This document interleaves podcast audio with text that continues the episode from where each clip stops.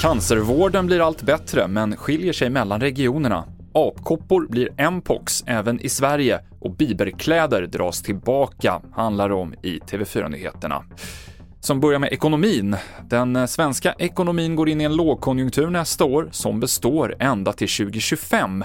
Den bedömningen gör Konjunkturinstitutet.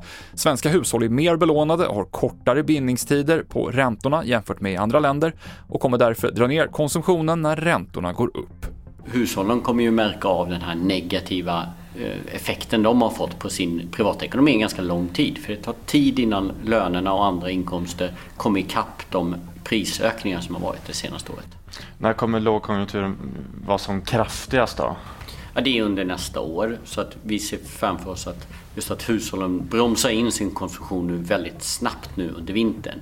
Det sa Albin Kainelainen, generaldirektör på Konjunkturinstitutet. Dödligheten i cancer fortsätter att minska i Sverige, visar statistik från Cancerregistret. Det här är något som sker främst tack vare tidigare upptäckt och bättre behandlingar. Men det finns fortsatt saker att granska närmare, tycker Ulrika Årehed Kågström, generalsekreterare på Cancerfonden. Dels ser vi skillnader beroende på var man bor i landet, hur nära man har till vården. Men vi ser också att det finns skillnader utifrån socioekonomiska förutsättningar kopplat till utbildningsnivå och inkomst. Och det är naturligtvis oacceptabelt.